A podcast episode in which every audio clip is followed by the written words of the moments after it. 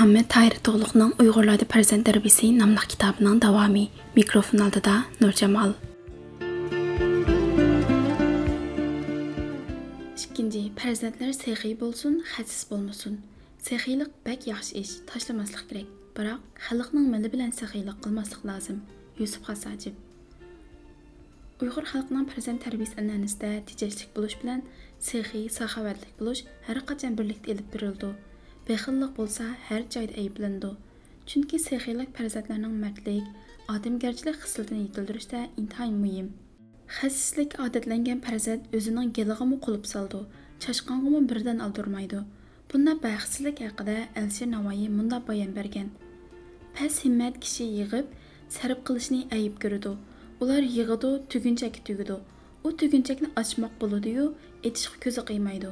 Yana bir tugunchak tugidi uning bu tugunchakni ochmoqligi uni hajlash emas balki yana bir narsa qatmoq uchundir u darhamlarni yiqqan tugunchakni etishni hargiz ravo ko'rmaydi chunki darham qancha ko'p bo'lsa tugunlar shuncha ko'p bo'ldi agar uni ochadigan bo'lsa boshdan oyoq tugilgan tugunlarning har biri uning ko'ngliga birdan tugun soldi demak bunday behilliqqa asir bo'lgan odam bu dunyoda jahon ne'matlaridan bahramand bo'lish huquqidan o'zini o'zi cheklagan baxtsiz odamdir bir oqildan kishilar so'rashdi baxtli kim? Baxtsiz kimdir? Baxtli shuki dedi oqil javob berib yeb ichdi ham teridi. Baxtsiz shuki mol dunyo topildi o'zi yemay dushmaniga qoldi demak xalqimiz saxiylikni nihoyat yuqori fazilat va baxt saodat deb qaraydi bexillikni qorlaydi saxiylik uqumining ma'nisi kang ma'nida el uchun o'zini pido qilish elning manfaatini o'zining manfaatidan yuqori ko'tarish xalqqa qo'lidan kelishicha yordam qilishni mazmun qildi tar ma'nidagi sexiylikning ma'nosi shuki qoni ko'ksi kang qo'li uchuq boshqalarga yordam berishni xushalliq deb bildigan qo'shnisi och bo'lsa taom yeyishni ayib bildigan biridan topsa do'stlar bilan birga yeydigan tang yegan tangi singar degan aqidaga amal qildigan fazilatlik odamlar sexiylikqa jo'rildi bexilliqmi yana ma'no jihatdan cho'ng mazmunni va kichik mazmunni o'z ichiga oldi cho'ng jihatdan qaraganda o'zini o'ylaydigan o'zining manfaatini har qanday manfaatdan ustun qo'ydigan vatan xalq uchun qilcha manfaat yetkazishni ravo ko'rmaydigan odamlar shu jumla kirdi tar doiradan qaraganda pul tepishni bildigan hajlashni ravo ko'rmaydigan boshqalarga yuguzishni mahora oldigan o'z nafsigimi qulib soldigan yemay ichmay bor turib zog'iri g'ojilab oxiri to'plagan mol dunyo qilib o'zi hasrat nadomat bilan bu dunyodan ketadigan bu dunyoning maishatlarini o'zi uchun harom qilayotgan odamlar ko'z tutildi shuning uchun uyg'ur xalqining farzand tarbiyasidagi muhim tavsiyalari va odatlantirishi shuki farzandlarga sehiy mard odam bo'lishni bexil bo'lmaslikni o'rgatadi bu xil an'anaviy tarbiya farzandlarning kishilik turmushdagi o'rnini belgilaydigan muhim omillarning biri. Sehiy bo'lish yoki xasis bo'lish hargiz boy bo'lish yoki kambag'al bo'lishni asos o'lcham qilmaydi uyg'urlar boshqalarga ko'z-ko'z qilish uchun pul chiqarganni xasis hisoblaydi. Haqiqiy sexiyning o'ng qo'li bersa so'l qo'li to'ymaydi deb qaraydi. Shunga har bir odam qo'lidan kelishicha qurbining yetishicha elga va shaxslarga yordam qildi. Ba'zilar qo'lining qisqalik tufaylidan yaxshilik qilolmaganlikdan afsuslik his qildi. Mana shularni sehiy hisoblaydi. Chunki haqiqiy sexiylik o'lchimi yaxshi niyatda. Ba'zilar qo'lda puli bor turuqliq urug' tuqqanlari xorliqqa tushib qolsa ularga yordam qilishdan o'zini qochirdi hatto farzandlari uchunmi berishga ko'ngil qo'ymay o'zlarini zo'rma zo'r xorliqqa mubtilo qildi bunday o'xshamaslikning kelib chiqishidagi sabab nada? Dal ularning hayotni tushunmaganligi yashashni bilmaganligida farzandlarni tejashlik iqtisodchan bo'lishga o'rgatish bilan ularga sehiy bo'lishni o'rgatish lozim. Sehiylik bilan iqtisodchanlik hargiz bir biriga qarama qarshi emas. Tejashlik bo'lish bilan bexillik o'xshamagan ikki xil mohiyatga ega. Hatto o'rinsiz buzib chachqandan bexillik yaxshiroq buning uchun ota onalar bunda bir qancha tarafga diqqat qilish orqali farzandlarga ta'sir ko'rsatish va ta'lim tarbiya berish zarur birinchi bolalarga kichkidan tortib boshqalarga yordam berish to'g'risida nasihat qilish ularni boshqalarga yordam berishga rag'batlantirish lozim agar ular boshqalarga yordam berish hisdoshlik qilish hissiyoti bo'lsa ularni qo'llab ياخشى بالام باشقىلار قىيىنچىلىققا ئۇچرىغاندا ياردەم керек деп دەپ ئىلھام بېرىش لازىم. ئۇلار باشقىلارغا ياردەم قىلىشنى تەلەپ قىلغاندا خەق بىلەن كارىڭ بولمىسۇن ئۆزۈڭنى بىل بىزنىڭمۇ كۈنىمىز ئاران بىزگە كىم ياردەم قىپتىكەن دېگەندەك سوغۇق پوزىتسىيە تۇتۇپ ئۇلارنىڭ پاك ھېسسىياتىغا زەربە بەرمەسلىك كېرەك. ئەگەر بۇنداق قىلسا باربارا بالىلار پەقەت ئۆزىنىلا ئويلايدىغان باشقىلار بىلەن كارى بولمايدىغان شەخسىيەتچى بولۇپ قالىدۇ.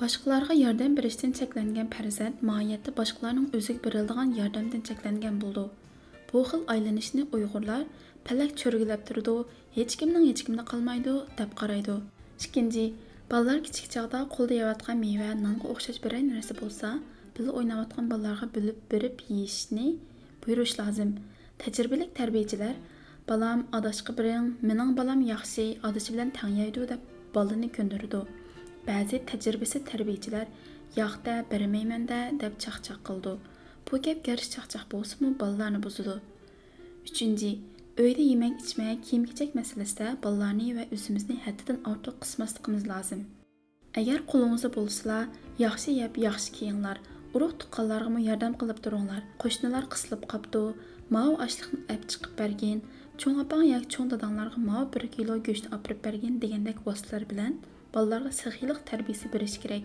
nasihatdan namuna zarur tepilganda va fursat kelganda bolalarga saxiylik haqida nasihat qilib ularga baxtdan bahramand bo'lish haqida tarbiya berishinglar kerak balam sexiy bo'l hargiz xasis bo'lma uyg'urlarda bir tishlam non ming kishi yetidi tang yegan tangi singibdi degan gap bor sexiy mard bo'lsang do'stlaring orasida yuzing yo'riq bo'ldi kishilarmi seni suydi odam degan yeb ichib yashag'il bo'lmaydi kishilar bilan birga yashaydi saxovatlik bo'lsang boshqalar seni suydi xasis bo'lsang mol dunyoyingdan boshqa biror do'stliqmu erisholmaysan xasis odam xuddi yig'insiz bahor buldig'a mevasiz quruq daraxtga o'xshaydi yig'insiz bulut hamon bir tutun mevasiz daraxt hamon o'tindir saxovat degan insoniyat beg'ining bahoriy va mevalik daraxt hisoblanadi odam bo'lsa oliy himmatlik bo'l himmatlik odam egiz uchgan lochinga o'xshaydi himmatsiz odam chashqinning o'ldig'ichisidir bo'rining o'rta quzg'unning yog'och beshida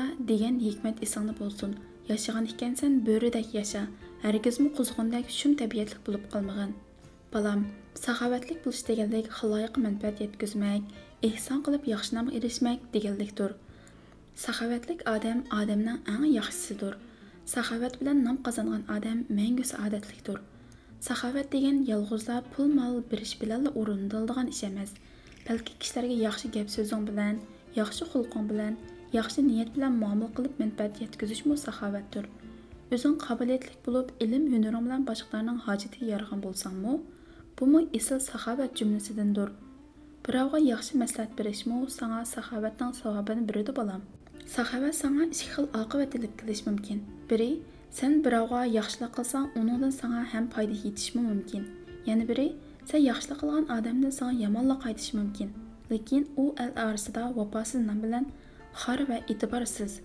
sen el nazarida ulug' va aziz bo'lsan shunga boshqalarga saxovat qilishni o'yla biroq uningdan tama umidida bo'lma saxovatning yana bir foydasimi borki sen elga manfaat yetkazgan bo'lsanglar sendan manfaat ko'rmagan kishilarmi seni do'st tutishga ko'ngil bog'laydi شۇڭا uzun قولۇڭ ئۇزۇن بولسىلا ھاجەتمەنلەرنىڭ ھاجىتىدىن چىقمىغىن لازىم موھتاجلار ھاجەت تەلەپ قىلىپ ئالدىڭغا كەلسە quruq qol قول قايتۇرمىغايسەن قولۇم قوشنىلارنىڭ ھاجەتمەن بولۇپ قالغانلىقىنى ئاڭلاپ قالساڭ قولىڭنى يوپۇرۇۋالما چامىڭنى يېتىشىچە ularga ياردەم قىل ھېكايە قىلىنىشىچە bir پادىشاھ ئىسكەندەردىن پادىشاھلىق لەززىتىنى نېمىدىن كۆردۈڭ deb so'rabdi buni uch ishdan ko'rdim debdi iskandar biri dushmanlarni bechora holga tushirib qo'yganda ikkinchi do'stlarga yordam berganda uchinchi muhtojlarning hojatini ravo qilganda chunki buningdan ortiq lazzatning e'tibori yo'qdir balam puling bo'lsa o'rinliq bir ishga ishlatib olsang ko'ngling xush bo'ldi boshqalarni xursand qilasan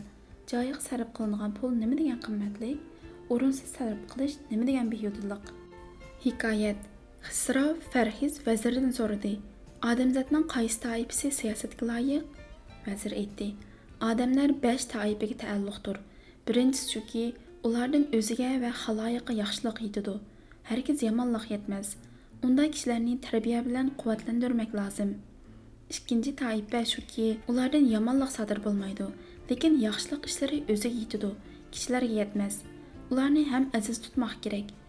Uchinchi toifa o'ttiridagilar ular o'zgimi kishigami yaxshilik qilolmaydi. Yomonlik ham qo'lidan kelmaydi. Ularni o'z holiga qo'ymoq kerak.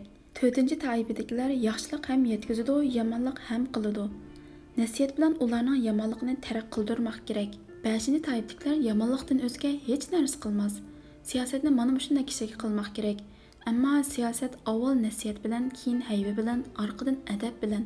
Yana bo'lmasa banatga salmoq bilan bo'lishi oxirida imkon bo'lmasa o'ltirmak kerak balam bexil odam pul tepish asrash bilanla ovora ھەسەتخورنىڭ پەس خۇي پەيلىدىن تۇرمۇش ئاچچىق بىرى ئۆز بايلىقىدىن خارۇزار ئىككىنچىسى ئۆزىنىڭ يامان قىلمىشىدىن مۇسىبەتدار سەن ئۆزۈڭگە تەۋە مال دۇنيايىڭدىن پايدىلىنالىساڭ ئۇ مال ئۆزۈڭگە тән, خەسىسلىك بىلەن өзіңі يېمەي بالىلىرىڭغىمۇ бәрмей توپلىغان پۇل دۈشمەندۇر Балам, مۇشەققەت بىلەن тапқан پۇلۇڭنى ئۆزۈڭدىن айма, پۇل деген پاتقاقلىققا ئوخشايدۇ ئۇنىڭغا قانچىلىك كىرىشمەنلىك بىلەن كىرىشسەڭ чоң پاتىسەن چىقىشقا ئىمكان يوقتۇر pul bilan erishish mumkin bo'lgan ne'matlardan bahrisiz qilma balam isrofxo'rlik hargiz saxovat emas buzib chachqanni aql egisi hargiz sehi demas o'rinsiz yerga pul chiqarmaganni hech kim xasis demas saxovat qilsang hargiz ko'z ko'z qilish uchun qilma bu sehiylik emas balki behayolikdir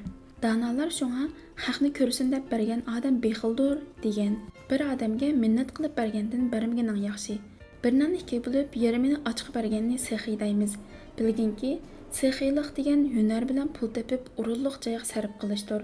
Bexillik nodonlik va jahillikning oshkorlanishidir. donolar deganki, ikki odam umrini bekor o'tkazgan va o'ziga abadiy hasrat, nadomat yukini ortib ketguchidir. Biri mehnat bilan ilm o'gandi. ammo amal qilmadi yana biri mol to'plashga amgak sarf qildi milini joyida ishlatishni bilmadi odam amaliy harakatiga qarab to'rt turga bo'lindi biri daydi qiladi bu tiriklik yo'lini bildiganlarning qoidasi yana biri demaydi qiladi bu mardlarning odati uchinchi daydi qilmaydi bu munofiqlarning odati to'rtinchi demaydi qilmaydi bu bir xil bexil himmati pastlarning odatidir Балам, қолыңды пұл меліңнің барыда кембәғәл, тұл құтын, етім оғылларға, ұруқ тұққаларға сахават қыл. Шунда қылсаң, кейін намратлық түшіп қалғыдак болсаң, башларның ярдам ершәләйсән. Әгәр қолыңды барыда оны жайды işlәтмәй бәхиллік білән саныны көпәйтмәк болсаң, өзіңні бәхтлік қылалмайсән, һәм bir сәбәп белән muhtojlik tushib qolsang, әлнең күлкісіге қаласән. O чағда саңа ярдәм қылдыған hech kim chiqmaydi. Tirishib pul tap balam. lekin uni o'rinliq ishlatishni bil saxiylik sening ayib nuqsonlaringni بېخىللىق ئەڭ يامان ئەيىبتۇر جايىدا سەرپ قىلغان بىر پوڭ زەرنىڭ قىممىتىگە باراۋەر ئورۇنسىز يەرگە بەرگەن زەربابتوننىڭ قىممىتى جايىدا بەرگەن ئەسكى چاپاننىڭ خاسىيىتىگە ئەرزىمەيدۇ ئادەمنىڭ مۇراد ئاسمىنىغا چىقىشى مۇمكىن بولغان ھالدا تۆۋەن ва پەس جايدا تۇرۇشنى ھىممەتسىزلىكتىن بولىدۇ راھەتچى مەنزەرلىقىدا پاراغەت غۇنچىسىنى тамаша قىلىشقا قۇربى يار بەرگەن تۇرۇقلۇق ئۆزىنى ئۆزى mehnat tikanligiga ئۇرۇش himmatsizlik ва xəssislikning jumlasidan sanaladi balam hayot tajribalari isbotlaganki yaxshilikning savobimi o'zingga yomonlikning kasofati o'zingga bo'ldi bu xususda sanga bir ibratlik hikoya aytib beray saxovatlik tijoratchining hikoyasi chin mamlakatida tijorat ishlarida mohir va dona bir savdogar bor ekan uning bir yurak parisi o'g'li bor ekan u o'g'ilmi shahardan shaharga yo'tkilib tijorat qildi ekan shu odati bilan u farzand savdo ishi uchun safarga chiqib ketibdi karvonlar dunyo ishlari haqida paranglashib ketyotsa to'satdan qaroqchilar bostirib kelib bularni bulang talang qilibdi. Savdogarlar taraf tarafga qochib jonlarni qutuldiribdi yigitning dadisi bir hazoda to'xtab hushini yig'ib qarg'adak bo'lsa o'g'li yo'q turg'adak o'g'lidan ayrilgan bu savdogar jigar qaldirini oqqizib zar zar yig'ildi. Yenini aqtirgan edi beliga tugib olgan ming tilla oltinni qilib qopdi u shu dasmoy bilan haram taraflarga berib o'g'lini izlash qaroriga kelibdi u shu mang'inicha bir mamlakat yetib kelibdi savdogar shaharga kirishiga bir to'p jamoatning bir odamni bog'lab o'ldirishga tayyorlanayotganligini ko'ribdi. Jallod uning beshida qilichni tanlab turib ko'pchilikka bu bir ojiz bechorani o'ldirdi. Shariat bo'yicha bu qotilga o'lguchining xun bosi uchun ming tilla oltin topshirish buyurildi. Qin oranglarda ming tilla topshirib uni qutqizib oldigan kishi bormi? deb jar silyotdi xaloyiq orasidan u odamni qutqizadigan birimi odam chiqmagan edi? U yigitning butun chiroyi qoniga bo'yilib ketgan edi? Uningga o'limdan boshqa yo'l qolmagan edi. Savdogarning bu odam ichi og'rib biligi tugib olgan ming tillani jallodga berdi jallod u odamni savdogarga topshirib berdi. Savdogar u odamning oldiga borganda u dada deb o'zini savdogarning quchog'iga otdi. Savdogar u mening himmatimga shundoq qilyotidi yigitni ilib berib qarasa qutuldirib olgani boshqa biri bo'lmasdan dal o'zining jigar parisi o'g'li ekan. Ota bola ko'zlaridan qanliq yoshlarni oqqizib ko'rishdi. Keyin uqsa qaroqchilar odam o'ldirib bu bolaga do'ngab qo'ygan ekan. Ko'rdingmi bolam? Yaxshilik urqini chachqanlar yaxshilik g'usulini oldi. Yomonlik urqini chachqanlarning oqibati ichinishliq bo'ldi.